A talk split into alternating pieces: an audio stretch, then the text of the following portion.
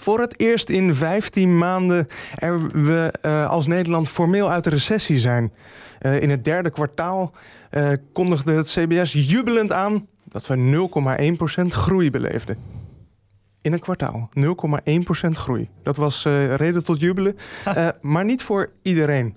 Want er zijn toch in 2013 160.000 minder banen in Nederland dan in 2012. Uh, maar ook de samenstelling van de arbeidsmarkt is veranderd. Uh, we zien dat uh, al de afgelopen vijf jaar ieder jaar meer ZZP'ers komen. Hoe zie jij die ontwikkeling, Liekle? Wat zegt dat jou? Er komen allerlei dingen samen. Nou, voel ik me geneigd om nog een keer heel duidelijk te zeggen dat ik hier niet de econoom ben achter de microfoon.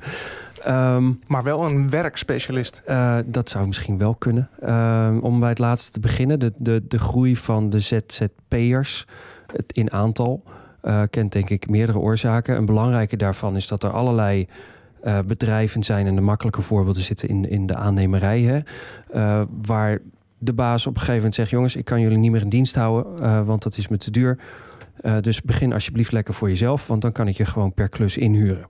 Oh, dus dat zijn geen ondernemers in de klassieke zin van het woord van mensen die een gat in de markt zien, maar meer noodgedwongen ZZP'ers. Nee, inderdaad, dat is een soort van, van vlucht. En uh, dat is eigenlijk helemaal niet zo vriendelijk participatief van die, uh, van die ondernemers, van die bazen die dat tegen hun medewerkers zeggen.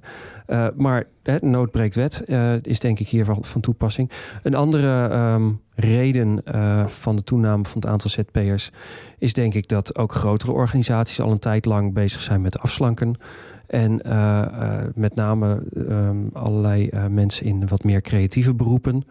En dan bedoel ik niet dat ze schilderen, knippen en plakken, maar beroepen waarbij ze vooral met hun hoofd moeten werken en niet zo per se met hun handen. Ontdekt hebben dat ze um, heel goed als zelfstandige voor meerdere opdrachtgevers gedurende het jaar kunnen werken en op die manier gewoon leuker werk hebben. Volgens de ING is uh, het ZZP-verband de enige manier om werk te krijgen voor veel mensen in de bouw, media en zorg. Ja, nou dan, dan Zelfs. in mijn redenen heb ik alleen zorg niet genoemd. Um, maar wat ik daar vooral graag aan toe wil voegen is dat uh, we in 2013 denk ik ook wel voor het eerst uh, in een grotere um, omvang door hebben gekregen dat die hele term ZZP een beetje raar is. Hè? Dat staat ja. voor zelfstandigen zonder personeel. Dan definieer je um, iemand in termen van wat hij niet heeft. Nou ja, precies. En je definieert hem dus uh, in relatie tot uh, iets wat je kennelijk veel belangrijker vindt, namelijk een werkgever met werknemers. En uh, dat is een beetje wat daar impliciet in zit. En dat levert een bepaald waardeoordeel op. Zullen we uh, vanaf 2014 de term ZZP'er maar niet meer gebruiken? Ja, er zijn heel veel mensen die uh, veel liever praten over zelfstandige professionals. Of zullen we anders aan onze luisteraar vragen of die een betere suggestie heeft? Tweet hem op Twitter met de hashtag SADH. Wij horen hem graag. Wat is een beter alternatief ja. voor ZZP'er? Ja. Mijn voorschot erop zou in ieder geval vast zijn: definieer die professionals dan in termen van wat ze wel hebben, in plaats van dat ze geen P hebben, geen personeel, geen poen, geen pensioen. Het ja. kan toch zoveel positiever? Nou, daar ben ik het wel mee eens. Um, en als we dan kijken naar de uh, economie als geheel, uh, zou het dan zo zijn dat veel van die noodgedwongen zelfstandige professionals niet meer zelfstandig willen zijn als de economie weer aantrekt? Zouden ze dan weer in loondienst gaan? Grote kans, ja. Ik denk dat uh, het uh, maar een klein percentage van de bevolking, en of dat dan de Nederlandse is of een andere, maakt volgens mij niet eens uit, gegeven is om het leuk te vinden dat ze uh, van de een op de andere maand niet precies weten hoe het ervoor staat.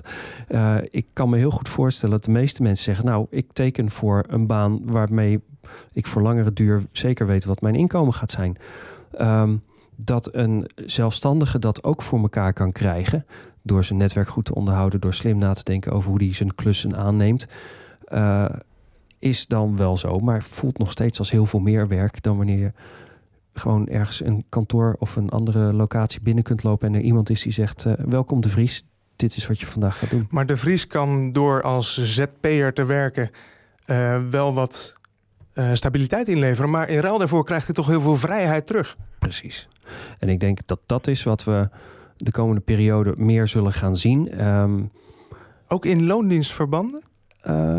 ja, of coöperatieve verbanden. Wellicht, wellicht. Ehm, maar dan, dan raken we ondertussen ook al aan een ander onderwerp... wat misschien nog eventjes... ja, zometeen moet gaan komen. we verder praten over Uh, vrijheid.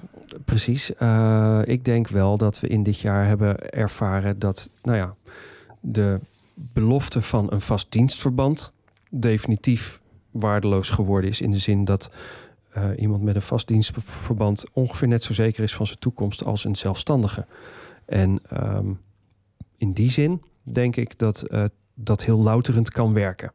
En dat je um, we nu nog even moeten zorgen dat, nou ja, de vakbonden en dergelijke dat doorkrijgen en uh, zich navenant gaan opstellen naar werkgevers.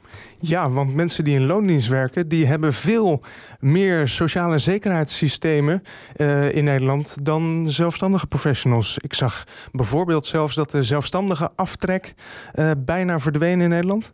Ja, um, en daar is hard tegen geprotesteerd, onder andere door uh, compaan Ronald Mulder. Um, daar zijn heel veel handtekeningen opgehaald uh, tegen de afschaffing van de zelfstandige aftrek. Uh, nou, dat heeft wel enigszins effect gehad, maar uiteindelijk gaat die wel verdwijnen. En, ja, ja, baas in eigen beurs zeker. ja, precies. En wat in die hele discussie heel opvallend is, is de, um, toch de schijnbare uh, hogere waardering die gegeven wordt aan werkgever-werknemersrelaties dan aan zelfstandig ondernemerschap. Dat is de enige conclusie die je kan trekken. En dat heeft denk ik te maken met hoe dit land uh, groot geworden is en hoe deze economie zijn vorm gekregen heeft. Daar hebben bedrijven met veel werknemers natuurlijk een hele belangrijke rol in gespeeld. Daar is alles zich naar gaan richten. En daar was destijds de zelfstandige een uitzondering. En die verhoudingen beginnen te verdraaien. En nou ontdekken we dat ja, um, onze wet en regelgeving, maar ook onze belastinginkomsten niet overeenkomstig uh, inge, ingeschoten zijn. Maar nog steeds worden ondernemers veelal benaderd als een soort gevaarlijke cowboys die je maar onder de duim moet zien te krijgen? Uh, dat zijn jouw woorden. Nou, we, we, we je, zou, je zou het kunnen denken, ja. Dat, we dat, zagen dat bijvoorbeeld, speelt, ja. bijvoorbeeld argumenten voor het afschaffen van die zelfstandige aftrek. Uh, die erop neerkwamen dat uh, zelfstandigen uh, toch maar veel fiscale voordelen hadden, terwijl ze die niet echt verdienden. En we konden maar beter wat meer nivelleren. En die zelfstandigen die ontrokken zich aan dat feest. Het feest hè, van het nivelleren, zoals Hans Spekman dat uh, vorig jaar november stelde in een interview met het AD. Een aanleiding van de inkomensafhankelijke zorgpremie. Um, maar we zien dat die nivellering een trend is in het afgelopen jaar, of niet?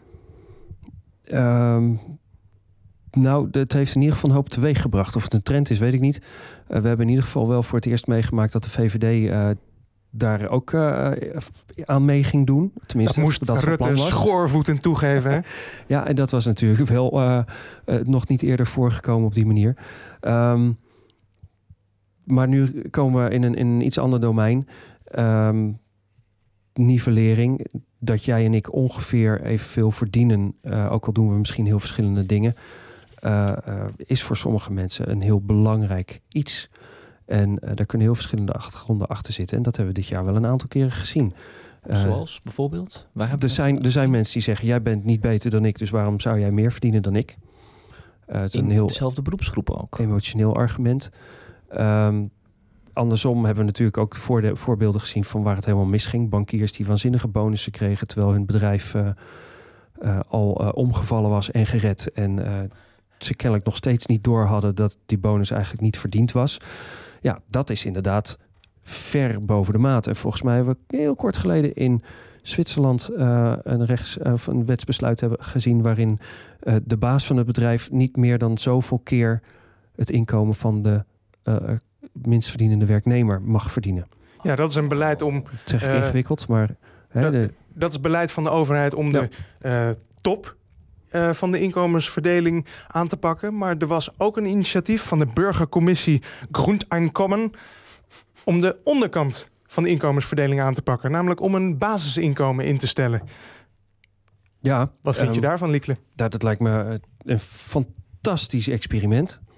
Uh, uh, zowel fantastisch omdat ik er heel benieuwd naar zou zijn, als fantastisch of nou, ik vraag me af of dat ooit gaat lukken in dit land. Um, en we hebben het ja, want eerder... als niemand hoeft te werken, wie betaalt dan dat, uh, dat basisinkomen? Nou, Dat is niet zo moeilijk. Kijk maar eens even wat we nu al uitgeven aan allerlei controlerende instanties. Uh, en, en allerlei toeslagen enzovoort. Als we die nou eens even afschaffen, dan hebben we een twee derde tot drie kwart van de kosten van een basisinkomen hebben we al bij elkaar. Ja, alleen er gaat toch ook een motiverend effect uit van een basisinkomen om vooral niet te werken. Dus dan uh, zul je minder belastingen kunnen ophalen.